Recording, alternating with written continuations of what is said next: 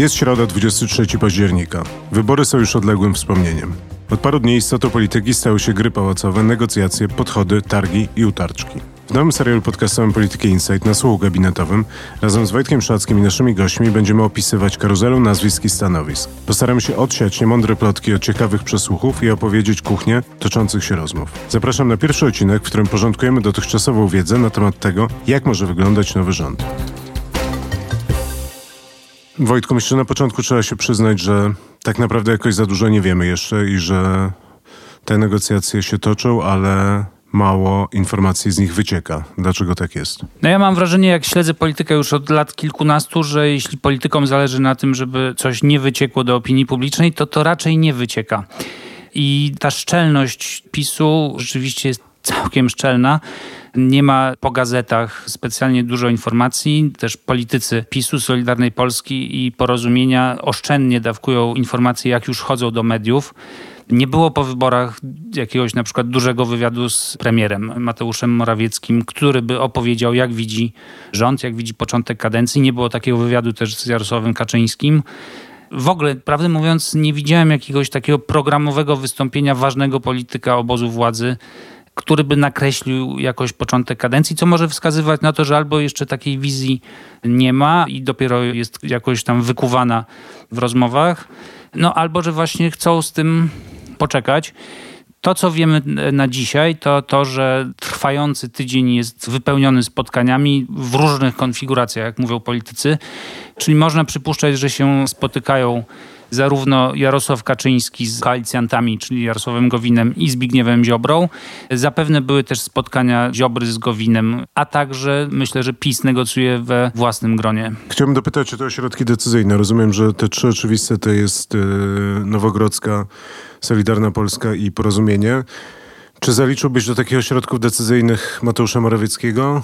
A druga taka osoba, o którą chętnie bym ciebie zapytał, to jest Beata Szydło. Czy ona też jest elementem tych rozmów i układanek.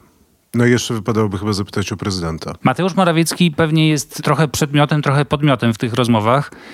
Wiemy sprzed tych rozmów, że Zbigniew Ziobro, nawet jeśli nie wprost, to za pośrednictwem swojego adiutanta Patryka Jakiego próbował podważać pozycję Mateusza Morawieckiego. Z jednym z ważnych ziobrystów zresztą rozmawiałem i usłyszałem, że dopóki Jarosław Kaczyński publicznie nie powie, że kandydatem na premiera jest Mateusz Morawiecki, no to wszystkie opcje są otwarte. Na co ja powiedziałem, że no a przecież Ryszard Terlecki czy Adam Lipiński mówili, też Jarosław Gowin mówił, że to Morawiecki będzie premierem, na co usłyszałem, że Jarosław Kaczyński wciąż nie powiedział i rzeczywiście od wieczoru wyborczego nie było jakiegoś przemówienia, wystąpienia Jarosława Kaczyńskiego, w którym by powiedział wprost, że to Mateusz Morawiecki będzie premierem.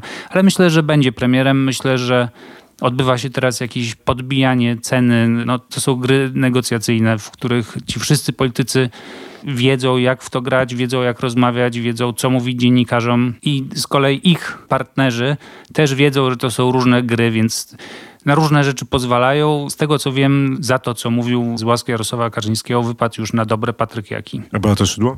Beata Szydło, pomijając sprawę jej syna, jest zadziwiająco cicho o niej. Nie dotarła na wieczór wyborczy przez korki, jak powiedział Jarosław Kaczyński i od tej pory też się nie wypowiada, no cicho jest o niej. Bo z nią jest skojarzonych co najmniej dwóch ministrów, czyli minister infrastruktury Adamczyk i minister środowiska Kowalczyk.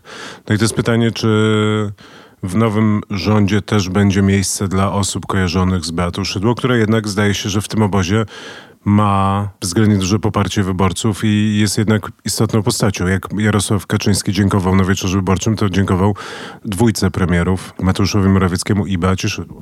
No nie zapominajmy też o trzecim ministrze związanym z Beatą Szydło, czyli ministrem sportu, który żegna się z gabinetem. Prawdopodobnie też marszałek Sejmu Elżbieta Witek, można ją zaliczyć do szydłowców, że tak się wyrażę. Więc spodziewałbym się, że któryś z tych polityków zostanie na jednym z tych ważnych stanowisk. Myślę, że ktoś w rządzie będzie z obozu Beaty Szydło że to sobie zagwarantuje. Nie wiem, czy to będzie Andrzej Adamczyk, nie wiem, czy to będzie Henryk Kowalczyk. Nasz dziennik, a więc gazeta sprzyjająca raczej PiSowi pisała, że zamiast Andrzeja Adamczyka będzie Marcin Chorała w infrastrukturze, ale to jest wiadomość sprzed paru dni, nieoficjalna. Nie wiem, czy się utrzyma. No to jeszcze dopytam o prezydenta. Rozumiem, że teraz jakby zbliżamy się do rozpoczęcia kampanii wyborczej. Tu jakieś były małe niesnaski na linii Joachim Brudziński, a kancelaria prezydenta, z tego co rozumiem, zdaje się, że wczoraj. Czy myślisz, że prezydent jest konsultowany i czy może o coś zawalczyć? Prezydent jako jeden z największych sukcesów swojej tej pierwszej kadencji, nieoficjalnie jego ludzie mówią, że tym sukcesem było obalenie Antoniego Macierewicza. Myślę, że teraz nie ma rozmów z prezydentem. Myślę, że dopiero jak już ten rząd zostanie ustalony w gronie liderów partyjnych rządzącej prawicy, to wtedy odbędzie się jakaś seria spotkań, może jedno spotkanie z głową państwa, która ma przecież desygnować tego premiera. I to jest formalnie prerogatywa właśnie Andrzeja Dudy, który najpierw wskaże premiera, później powoła premiera wraz z ministrami. Ale jeśli miałbym tak powiedzieć, jaka to jest rola, no to jest raczej rola notariusza. Być może w kwestii jakiegoś ministra prezydent będzie zgłaszał pewne obiekcje. Pewnie będzie jakiś taki przeciek, na przykład, że prezydent nie chciał, żeby ktoś był ministrem, albo chciał, żeby ktoś był ministrem, żeby też pokazać właśnie, że prezydent coś może ale myślę, że jednak decyzje zapadają gdzie indziej, nie w Pałacu Prezydenckim. Natomiast ja jestem w stanie sobie wyobrazić, no bo jednym z tych ministrów ze starego rządu, który zdaje się, że ma bardzo słabą pozycję i raczej nie przetrwa tej zmiany rządu, to jest Jacek Czaputowicz, czyli minister spraw zagranicznych. No i tutaj byłaby jakaś taka możliwość, żeby oddać prezydentowi jakieś stanowisko, bo tu jest dyżurny kandydat na bardzo wiele stanowisk. Krzysztof Szczerski. Krzysztof Szczerski e, rzeczywiście miałby być człowiekiem Andrzeja Dudy w e, rządzie. Tylko, że jest też trochę tak, że my już widzieliśmy Krzysztofa Szczerskiego w tylu rolach, że być może rola wirtualnego ministra spraw zagranicznych jest kolejną z tych ról. Ja zresztą nie rozmawiałem z Krzysztofem Szczerskim i nie wiem, czy on by chciał, bo to stanowisko na niego czeka. Znaczy, gdyby on chciał zostać ministrem, miał już taką okazję, tylko wtedy zbyt wysoko licytował, bo chciał być też wicepremierem. Jarosław Kaczyński powiedział nie. Mimo to zachował Szczerski całkiem dobre relacje z Nowogrodzką i gdyby tylko chciał, gdyby, nie wiem, przekalkulował sobie, czy lepiej być ministrem i de facto pierwszą osobą w kancelarii prezydenta, czy być ministrem konstytucyjnym, ale jednak dość słabym politycznie resorcie. Prestiżowym, dającym możliwość podróżowania po świecie, ale niewiele znaczącym, ponieważ jednak najważniejsze rzeczy dzieją się przy premierze, przy Konradzie Szymańskim w tej części europejskiej. Ten MSZ jest takim trochę. Mm, no, istnieje, bo musi istnieć, ale nie jest to kluczowy resort. A jeżeli nie Czaputowicz i nie Szczerski, to kto? No, gdzieś tam krążyło jeszcze nazwisko Piotra Glińskiego, który podobno nie bardzo już chce być dalej ministrem kultury. Ale to też być może jest kolejna taka plotka. Zdziwiłbym się, gdyby Jacek Czaputowicz pozostał ministrem. Nie zdziwiłoby mnie nazwisko ani Szczerskiego, ani Glińskiego, ale też być może mogliby sięgnąć po jeszcze kogoś innego. No dobrze, to zostawiając na chwilę personalia i wchodząc na taki meta poziom, chciałem ciebie zapytać, czy uważasz, że to będzie rząd kontynuacji, czy rząd zmiany? No i tutaj chyba nie ucieknę jednak od personaliów. Myślę, że to będzie w dużej mierze rząd kontynuacji, zwłaszcza jeśli chodzi o część resortów. Mariusz Błaszczak powiedział wprost, że się nigdzie nie wybiera i że chce kontynuować swoją misję w Ministerstwie Obrony. Trochę śmieszne, że on to mówi zanim to ogłosił premier, ale pamiętajmy, że jest to jeden z najważniejszych polityków PiSu być może nawet ważniejszy niż Mateusz Morawiecki. Poza tym to jest dosyć sympatyczne, bo rozumiem, że on był wymieniony jako jeden z kandydatów na premiera, więc tym samym wyłączył siebie z tego wyścigu. No trochę tak. Drugim takim kontynuatorem będzie Mariusz Kamiński w bardzo ważnym resorcie, czyli Ministerstwie Spraw Wewnętrznych wraz z kontrolą nad służbami albo to będzie kontynuacja tego, co mamy teraz, albo kontynuacja plus, czyli miałby powstać taki resort gdzie te służby zostałyby zakotwiczone na stałe. Nie wiem, co zdecyduje PiS. No, Ministerstwo Bezpieczeństwa Publicznego kojarzy się fatalnie, więc myślę, że w ten skrót nie pójdą. Ale liczy się, że w praktyce Mariusz Kamiński będzie szefem MSWiA, Abbi jest mocnym szefem MSWiA, na co wskazuje fakt, że odsunął Jarosława Zielińskiego od policji, czyli wszechwładnego, wydawałoby się, wiceministra z Suwalszczyzny zabrał mu tę policję, którą on tak ukochał bardzo szybko po przyjściu do resortu. E, Z wzajemnością. Nawet jeśli wymuszoną. Więc Mariusz Kamiński też zostanie. Wszystko wskazuje na to, że Zbigniew Ziobro zostanie ministrem sprawiedliwości i prokuratorem generalnym a Jarosław Gowin pozostanie ministrem nauki i zapewne wicepremierem. Więc no, te najważniejsze resorty, te postaci, do których się najbardziej już przyzwyczailiśmy w rządzie, w tym rządzie zapewne zostaną. Zmiana, jeśli chodzi o zarówno pewnie personalia, jak i układ ministerstw, zajdzie zapewne w tej części gospodarczej rządu. No jeszcze chciałem ciebie zapytać, ale nie jestem pewien, czy już nie odpowiedziałeś na to pytanie, ale spróbuję, jaka będzie logika tworzenia tego rządu, bo ja tak przygotowując się do tego i wcześniej, jak rozmawialiśmy, to dzieliłem sobie na trzy takie scenariusze.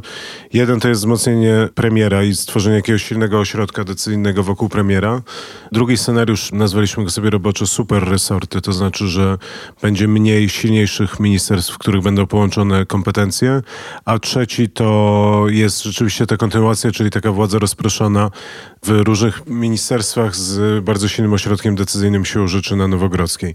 I właśnie myśląc o tej gospodarce, to ta teoria superresortowa tutaj jest najbardziej przydatna, bo rozumiem, że tu był jakiś taki pomysł, żeby stworzyć taki superresort gospodarczy na przykład. No tutaj z tego, co mówią publicznie, półpublicznie albo zupełnie nieoficjalnie politycy PiS i porozumienia, wyłania się taki obraz, że po pierwsze Nowogrodzka, czyli PiS, zresztą PiS zapisał to w swoim programie wyborczym, dąży do stworzenia jakiegoś takiego ciała, czy to będzie ministerstwo, czy to będzie instytucja w kancelarii premiera, które by odgrywało rolę nieistniejącego już Ministerstwa Skarbu. Krótko mówiąc, tam byłyby spółki Skarbu Państwa, czyli konfitury, mówiąc językiem polityków. No i zdaje się, że do tego jest przymierzany Jacek Sasin, który mm, na razie jest wicepremierem Besteki oraz szefem Komitetu Stałego, ale ma bardzo dobre relacje zarówno z Mateuszem Morawieckim, jak i z Nowogrodzką. Z jakichś powodów jest bardzo ceniony, a nawet wysyłany w miejsca które mu ewidentnie nie służą jak debata wyborcza. No i to jest jeden kierunek, w którą stronę pcha Nowogrodzka. Te negocjacje. I to ja bym się włączył, zatrzymując się na tym skarbie, bo myślę sobie, że jest, musi być duże napięcie pomiędzy koalicjantami a Nowogrodzką w kwestii tego Ministerstwa Skarbu, bo jeżeli dobrze czytamy tą grę negocjacyjną, no to Solidarna Polska i Porozumienie mają dużo większą siłę, ale tak naprawdę niespecjalnie dużo więcej chcą wywalczyć w rządzie. To znaczy, rozumiem, że nadal rozmawiamy o dwóch ministerstwach, czyli Ziobro plus jeden i Gowin plus jeden, gdzie prawdopodobnie w przypadku Gowina to będzie Jadwiga Emilewicz, będzie miała wzmocniony resort, w przypadku Ziobry Rozumiem, że mówiło się o sporcie. Nie wiem, czy jeszcze jakiś inny resort wchodzi w grę. W poprzedniej kadencji się mówiło o sporcie, teraz chcieliby coś więcej, ale nie wiem, czy się uda. Potem są kwestie jakieś tam bardziej programowo-wizerunkowe, ale tak naprawdę jeszcze ludzie Zbigniewa Ziobry rozumiem, że podkreślają, że Zbigniew Ziobro nie chce być wicepremierem, więc tak naprawdę to, co najprawdopodobniej toczy się gra, no to są właśnie te spółki Skarbu Państwa. Rozumiem, że też ludzie z porozumienia mówią, że w tej ostatniej czterolatce ich tam nie było i że wypadałoby, żeby teraz mogli odcisnąć swoje bardziej liberalne piętno na spółkach Skarbu Państwa. Jest jeszcze, rozumiem, kwestia na przykład jakiejś tam agencji czy telewizji. Chodzi mi o to, że jeżeli jest tak, że rzeczywiście te negocjacje nie są na poziomie ministerialnym, tylko bardziej o podziale tych łupów w spółkach, to silny minister skarbu, a rozumiem, że taki miałby być Jacek Sasin, trochę idzie wbrew tej teorii takiego harcowania koalicjantów w spółkach. Lubią podbijać swoją cenę koalicjanci PiSu i lubią pokazywać, jacy są silni. Zresztą zarówno Jarosław Gowin, jak i Ziobryści opublikowali w mediach społecznościowych taką planszę z nazwiskami swoich posłów, co jeden z polityków PiSu skomentował krótko, no, że fajnie podali nam ich na tacy i nie musimy ich szukać. Co pokazuje pewne lekceważenie Nowogrodzkiej, zwłaszcza wobec Jarosława Gowina. Tutaj przy Zbigniewie Ziobrze jest dużo więcej respektu. Natomiast no, jest na Nowogrodzkiej przekonanie, że to jednak oni rozdają karty, że ani Ziobro, ani Gowin nie mają dokąd pójść i że no, próbują jak najwięcej ugrać tymi kartami, które mają, nie sięgając po broń atomową, czyli po groźbę zerwania koalicji i zabrania PiSowi większości. Więc myślę, że tak czy inaczej skończy się na wyraźnej dominacji PiSu i w rządzie, i w spółkach. Znaczy Gowinowi to nie ma za bardzo co zabierać w tych spółkach. On sam przyznaje, że nie ma zbyt wielu ludzi w spółkach Skarbu Państwa, ani na przykład wśród wojewodów, wicewojewodów.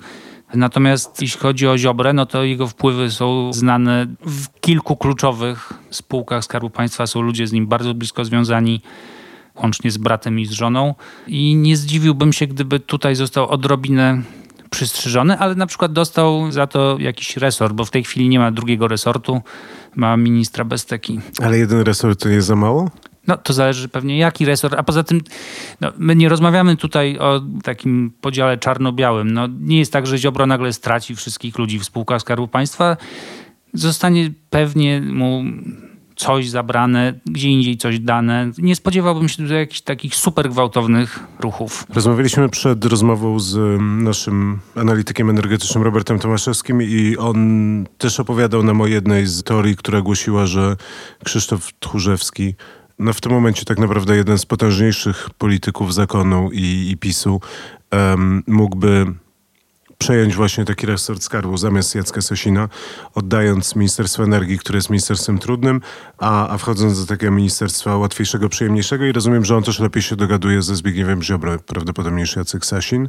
A jeszcze inną kandydaturą na tego ministra skarbu, to też gdzieś czytałem, był Daniel Obajtek, czyli prezes Orlenu, który z jednej strony no, niełatwo było mu zejść z niemałej pensji i z imperium, jakim jest Orlen, ale z drugiej strony swoje już zarobił, biedny nie jest, a to by pozwoliło mu wrócić bliżej polityki i też trochę zdjąć sobie łatkę takiego coraz bardziej tłustego kota w spółce Skarbu Państwa. No tego oczywiście nie mam pojęcia, jak to się rozstrzygnie. Wiem, że jak już się rozstrzygnie, no to będziemy mogli różne rzeczy odczytać na nowo, bo Wiadomo skądinąd, że ani Krzysztof Tchórzewski, ani Daniel Obajtek nie są jakimiś wielkimi przyjaciółmi Mateusza Morawieckiego. Jacek Sasin ma z premierem dużo lepsze relacje. Więc zależnie od tego, który z tych polityków obejmie nadzór nad spółkami, czy w formie osobnego ministerstwa, czy w kancelarii premiera, no to to będzie pokazywało też, jaka będzie pozycja Mateusza Morawieckiego w tym nowym rozdaniu. Dosyć często wracając do tego super resortu gospodarczego, czy ogólnie tego układu w tej części gospodarczej rządu, dosyć często wypowiada się Jadwiga Emilewicz i Jerzy Kwieciński. To są takie dwie osoby bardziej kojarzone czy z Jarosławem Gawinem, czy bardziej z takim technokratycznym skrzydłem PiSu czy tego rządu. Jak mogłaby wyglądać przyszłość rządowa Jadwigi Emilewicz, a jak Jerzego Kwiecińskiego? No wiem, czego chce Jarosław Gowin i jego partia. Oni chcieliby powrócić do tego super resortu, który miał Mateusz Morawiecki w poprzedniej kadencji i oddać go Jadwidze Emilewicz. To jest pewne, czyli to byłoby połączenie obecnego resortu Jadwigi Emilewicz, czyli Ministerstwa Przedsiębiorczości i Technologii z resortem Jerzego Kwiecińskiego Inwestycji i Rozwoju. To jest plan porozumienia i zobaczymy, jeśli to wypali, to to będzie pokazywało z kolei, że Jarosław Gowin zwyciężył w tych negocjacjach, bo osiągnął to, na czym mu zależało. Nie wiem, jaki jest plan Jerzego Kwiecińskiego. On ma teraz dwa resorty pod sobą, bo jest ministrem finansów od niedawna po kamieniczniku Marianie Banasiu i ma swój resort macierzysty, czyli inwestycji i rozwoju. I ja widzę róż, znaczy po pierwsze minister Kwieciński jest dość aktywny w mediach, co by wskazywało na to, że chce być dalej ministrem. Z drugiej strony odbywa się jakieś takie ciche wypychanie Kwiecińskiego z rządu. Różni ludzie w kuluarach szepczą, że minister Kwieciński to już chciałby się pożegnać z administracją rządową i pójść do biznesu, ale ewentualnie do jakiejś zagranicznej instytucji. Nie mam pojęcia, jak to się skończy. Znowu muszę użyć tej frazy, nie mam pojęcia. Jest to bardzo ciekawe. No i właśnie w tej części gospodarczej rządu spodziewam się najwięcej zmian, przetasowań ale być może nawet z tymi samymi nazwiskami lub z większością tych samych nazwisk w nowych miejscach. To jeszcze dopowiedział, że ten super resort gospodarczy, jakkolwiek by wyglądał, mógłby, i takie też były rozmowy nieoficjalne i kuluarowe, mógłby przejąć część cyfryzacji, jeżeli Ministerstwo Cyfryzacji zostałoby przemienione albo podzielone, albo wręcz rozwiązane. I tutaj dział łączności prawdopodobnie mógłby pójść pod Ministerstwo Przedsiębiorczości i Technologii. Też w pewnym momencie mówiło się o turystyce, która brzmi trochę egzotycznie, a z drugiej strony jest tam dosyć dużo usług i, i to wcale nie jest tak, że tam nic się nie dzieje, tylko zawsze był to jakiś jeden z tych działów rządu, który był traktowany po macoszemu. Więc to jest jedno, ale drugie to jest, czy po prostu nie jest tak, że Kwieciński powinien i mógłby zostać ministrem finansów, pełnoprawnym w tym momencie od początku kadencji, że przy braku tak naprawdę jakichś innych oczywistych kandydatów. No z tym Ministerstwem Finansów to jest ciekawa sprawa, bo PiS od lat ja już pamiętam w 2014 chyba na rok przed wyborami poprzednimi PiS ogłosił program, w którym obiecywał ograniczenie roli ministra finansów i Ministerstwa Finansów do roli takiego księgowego, bo My przez całe lata istnienia trzeciej RP przyzwyczailiśmy się do myśli, że minister finansów to jest jeden z najważniejszych ministrów. No to były lata też Leszka Balcerowicza. Zwykle polityk wagi ciężkiej był ministrem finansów. On był od rozdawania pieniędzy. Inni ministrowie musieli do niego przychodzić. No to był taki quasi premier trochę, premier od pieniędzy. PiS walczył z tym. PiS miał kłopot przez całą tę kadencję z obsadą tego resortu. Ja już nie wiem, czy było czterech, czy pięciu ministrów. Była Teresa Czerwińska bardzo krótko, był Marian Banaś bardzo krótko, był Jerzy Kwieciński na krótko, przecież był Mateusz Morawiecki, a zaczynał Paweł Szałamacha. Więc chyba w żadnym resorcie nie było tylu zmian. I koniec końców i tak okazywało się, że to ministerstwo jest ważne, bo no, nie da się ograniczyć specjalnie roli ministerstwa, które dysponuje największymi pieniędzmi i ma najwięcej do powiedzenia w sprawie budżetu. Więc tutaj jest jakaś kwadratura koła, którą PiS próbuje wykonać, wepchnąć jakiś tam kwadratowy klocek w okrągłą dziurę. Nie wiem, czy będzie to Jerzy Kwieciński nadal. Na giełdzie pojawiło się nazwisko też Marcina Chorały, który pewnie w jakiejś roli w rządzie wyląduje, bo już jest przymierzany do tylu resortów, że to wskazuje na to, że chyba bardzo chce gdzieś się znaleźć i pewnie wejdzie, bo ma bardzo dobry wynik wyborczy. A zasłużył się w komisji do spraw VAT, chociaż znam Twoją opinię o tym, jak ta komisja pracowała. Pewnie jest paru polityków. Też się mówi, że niekoniecznie musiałby to być polityk, tylko ktoś z zewnątrz. Inni z kolei mówią, niby wtajemniczeni ludzie w PiSie, że z zewnątrz to nie bardzo, bo Teresa Czerwińska była z zewnątrz i jak to się skończyło. To też tacy dyżurni kandydaci, którzy zawsze pojawiają i w których ja nie wierzę, tacy jak Zbigniew Jagieł albo Paweł Borys. Tak? To jest jakby taki, jeszcze takim dyżurnym kandydatem jest zawsze Leszek Skiba, wiceminister finansów, więc jest ileś takich osób, które, jako że by były już cztery zmiany ministra finansów, to za każdym razem była ta karuzela nazwisk i mniej więcej już są takie nazwiska, które wymienia się rytualnie, wiedząc, że one nie będą, ale że trzeba powiedzieć, bo taka jest logika tej zabawy, w którą się bawimy od czterech lat czy od trzech, od czasu, kiedy Paweł Szamacha został zdymisjonowany. zdymisjonowany. Czy też odszedł z własnej woli. Wojtku, to na koniec bym ciebie zapytał jeszcze, jaki jest harmonogram? To znaczy, co się wydarzy kiedy, jak myślisz, czy ten rząd powstanie szybko, czy będziemy czekać do pierwszego posiedzenia Sejmu? No i tak, jakby na co tu czekamy i kiedy to się wydarzy? No tutaj też są sprzeczne informacje. Zdaje się wczoraj były jakieś takie głosy, że to jeszcze w tym tygodniu może się skończyć i dziennikarze być może dostaną już porcję informacji o tym, jak będzie wyglądał rząd. Przed chwilą SMS-owałem z kimś tam z obozu władzy, to usłyszałem, że to jeszcze się pewnie przedłuży na kolejny tydzień. Pytanie też, co masz na myśli mówiąc gotowy rząd? Czy to jest gotowy rząd w składzie premier plus ministrowie, czy też już na przykład ustalenia wiceministrów? No to powiedz, jakby po, ja jak, myślę, jakbyś mógł właśnie tak to uporządkować. Myślę, że jeśli nie w tym tygodniu, to w przyszłym poznamy ten zręb rządu z premierem, z kluczowymi ministrami. Być może coś się jeszcze później zmieni, jakieś może być przesunięcie, może być ogłoszenie jakiegoś ministerstwa. W ciągu najbliższych dwóch tygodni pierwsze posiedzenie Sejmu mamy 12 listopada i wtedy na tym posiedzeniu już będziemy wiedzieli wszystko. Na tym posiedzeniu pewnie będzie głosowane wotum zaufania. Na tym posiedzeniu też złoży dymisję Mateusz Morawiecki z obecnym składem e, Rady Ministrów. No a potem wszyscy wiceministrowie muszą podać się do dymisji zgodnie z zasadami gry i pewnie w ciągu dwóch, trzech miesięcy ten rząd będzie już nowy w całości z wiceministrami znany. No dobrze, to dziękuję bardzo. Za tydzień będziemy prawdopodobnie nadal rozmawiać o tym układzie ministerialnym i gabinetowo-resortowym. A w następnych odcinkach aż do ukonstytuowania się tego rządu też będziemy patrzeć właśnie na ten poziom odrobienia niżej, czyli na wiceministrów i na to, jak to się układa, jaki tu jest układ sił, bo myślę, że w ramach tych negocjacji tu też mogą się wydarzyć rzeczy ciekawe, że nawet jeżeli Zbigniew Ziobro miałby dostać tylko jeden resort, to prawdopodobnie zgaduję, że musi negocjować dużo większą liczbę wiceministrów, bo tak naprawdę tych żetonów negocjacyjnych jest sporo, ale nie ma aż tak dużo, więc to jest, to prawdopodobnie jest jeden z tych elementów, o które toczy się gra i o którym się teraz rozmawia, czemu my będziemy się przyglądali przez najbliższe tygodnie. Dziękuję bardzo Dziękuję. Państwu.